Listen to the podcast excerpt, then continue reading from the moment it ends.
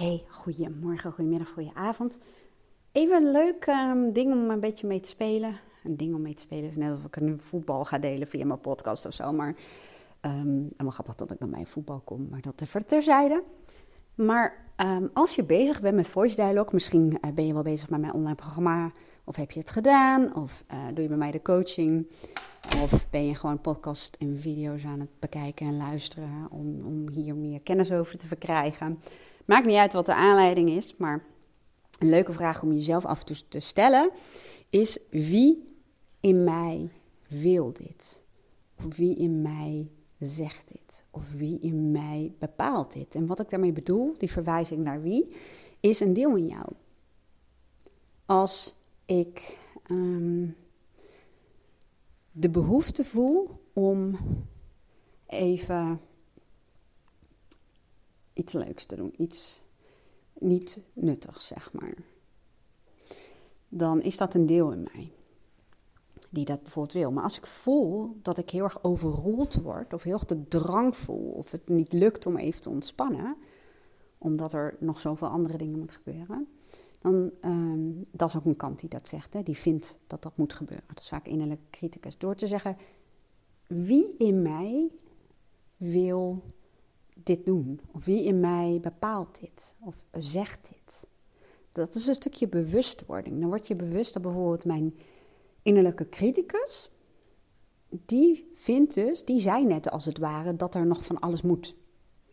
Dus die vindt dat ik even de stoelen van de voice dialogue sessie die hiervoor was, zeggen, die nu door de woonkamer heen staan, op moet ruimen en uh, de laptop moet aan uh, uh, zwengelen en een latte macchiato moet maken en hop, mijn takenlijst af moet werken. Dat vindt mijn innerlijke criticus. Want als ik maar nuttig en productief ben en presteer en goede resultaten boek, dan ben ik tenminste een waardevol persoon. Klinkt gek, maar ja, dat is wel wat een innerlijke criticus vaak um, wil. Dat je uh, gerespecteerd wordt en niet afgewezen wordt, niet verlaten wordt. Dat je niet in je eentje overblijft op deze aarde. Um, dat je goed genoeg bent. Um, nou, goed genoeg, een innerlijke criticus vind je niet snel goed genoeg. Hè?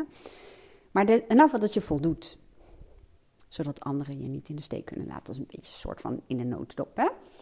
Um, en als je die laat regeren, dan gaat het ook vaak samenwerken met een perfectionist of een pusher of een uh, hele verantwoordelijke kant of een redder. En een kant die altijd maar nuttig uh, wil zijn. Ze noemen dat ook weer je innerlijke slavendrijver. Uh, die met de zweep nou ja, achter je aan sjeest, om het zo te zeggen. Maar op het moment dat je dit soort bewustzijnsoefeningetjes doet, dan merk je ook dat je op, daar, op dat moment ook meer keuzevrijheid voor jezelf gaat creëren. Want dat doet bewustzijn. Bewustzijn gaat ook over van die automatische piloot af, uit het scriptje of uit de conditionering of programmering naar um, kiezen wat gepaster is als je kijkt naar je waarden en, en de doelen. Ja, je wordt ook een stuk um, ja, kritischer. Je gaat meer prioriteit stellen. Nou, en dan is het bijvoorbeeld in mijn geval, als ik nu mijn innerlijke criticus zou laten regeren, dan, dan, dan pakt hij zijn collega's, perfectionist en pusher uh, erbij en misschien nog wel wat meer um, kanten. Um, maar als ik echt even, zoals sommige mensen wil zeggen, bij mezelf inchecken. Um, ja, die vind ik altijd een beetje lastig. Wat is dat dan? Maar als ik even stilsta bij wat mijn behoeften zijn en wat ik voor deze dag, kijk dan wel even naar mijn taaklijst, ga gedaan wil hebben, wat me goed gevoel zou geven en wat zou bouwen aan uh, doelen die wat verder in de toekomst liggen. Dan, um, en waarbij ik ook mijn intentie volg, en dat is dat ik aan het einde van de dag gewoon nog heerlijk energie um, wil hebben, me goed wil voelen, met voldoening terugkijken op de dag en ook pleziermomenten en ja, wat rustmomenten heb ingebouwd. Want dat zijn eigenlijk ook, kun je ook een soort van, ja, niet als taken zien, maar nou, je snapt wat ik bedoel.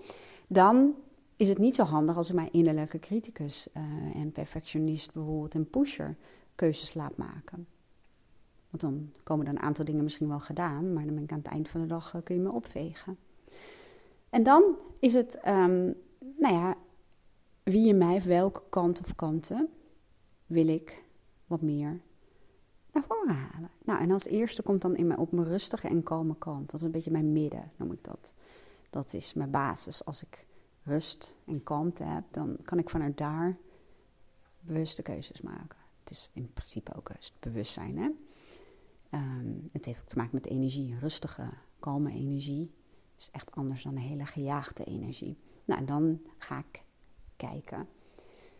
Ja, als ik aangeef dat ik ehm, plezier wil ervaren, meer dat weekendgevoel. heb ik dat nou in deze podcast gezegd of de vorige? Nou, dat maakt niet meer uit. En anders kijk je of luister je de vorige. Maar als ik meer een weekendgevoel heb, het is immers vrijdagmiddag, terwijl ik nog wel taken wil afwerken. Ja, dan helpt het om meer gebruik te maken van de energie van mijn innerlijke speelse kind. Want die gaat de dingen soms ook anders doen. Mijn innerlijke speelse kind, die uh, doet ook wel eens mee in sessies. En dan, worden, dan komen er stiften bij en dan komt mijn whiteboard erbij. En dan wordt het allemaal een stuk losser. Dus die gaat ook een beetje over het hoe je de dingen doet. Die wil niet alleen maar voetballen, bij wijze van spreken, maar de dingen die je doet met wat meer speelse, lossere, uh, plezierige energie. Nou, dat was maar eigenlijk. Want ik ga nu doen wat ik uh, jou het vertellen ben. Nou, ik hoop dat je er wat aan had. Als dat zo is en als je dingen herkent of vragen hebt, dan laat het weten in de reacties. En uh, ik heb er in ieder geval erg veel aan als je ook een beoordeling achterlaat op bijvoorbeeld uh, YouTube of op Spotify of Apple. Ik weet natuurlijk niet waar je dit luistert op dit moment. Um, het is een hele kleine moeite. Uh, volgens mij kun je het een halve minuut doen. Bij Apple kun je bijvoorbeeld um, een aantal sterren geloof ik indrukken. Hoeveel sterren je mijn podcast waard vindt. Je kunt een tekstje achterlaten als je dat wilt. Hoeft niet. En bij Spotify geldt hetzelfde principe. En um, YouTube nou ja, daar kun je je abonneren. En dan kun je er altijd een reactie achterlaten. Nou, ik hoop dat je iets inspireert. En zeg ik, ik wil hier meer mee. Dan, um, en je zegt van, nou, ik vind het uh, leuk hoe jij het vertelt. En uh, ik herken dingen. En um, zoals jij het vertelt, dan begrijp ik het of uh, ik, ik, ik, ik, krijg wat inzichten daardoor. Het kan op verschillende manieren. Eén daarvan is een online programma. En ik zet twee linkjes daarvoor um, uh, onder deze podcast. Eentje is specifiek voor vrouwen met wat thema's die best wel universeel zijn bij vrouwen. En die ander, um, die kun je gewoon als man bestellen. En je kunt altijd een combinatie doen met een losse sessieboek. En als je zegt, nou ik wil dat graag één op één met jou doen, boek dan in mijn online agenda een sessie van twee uur.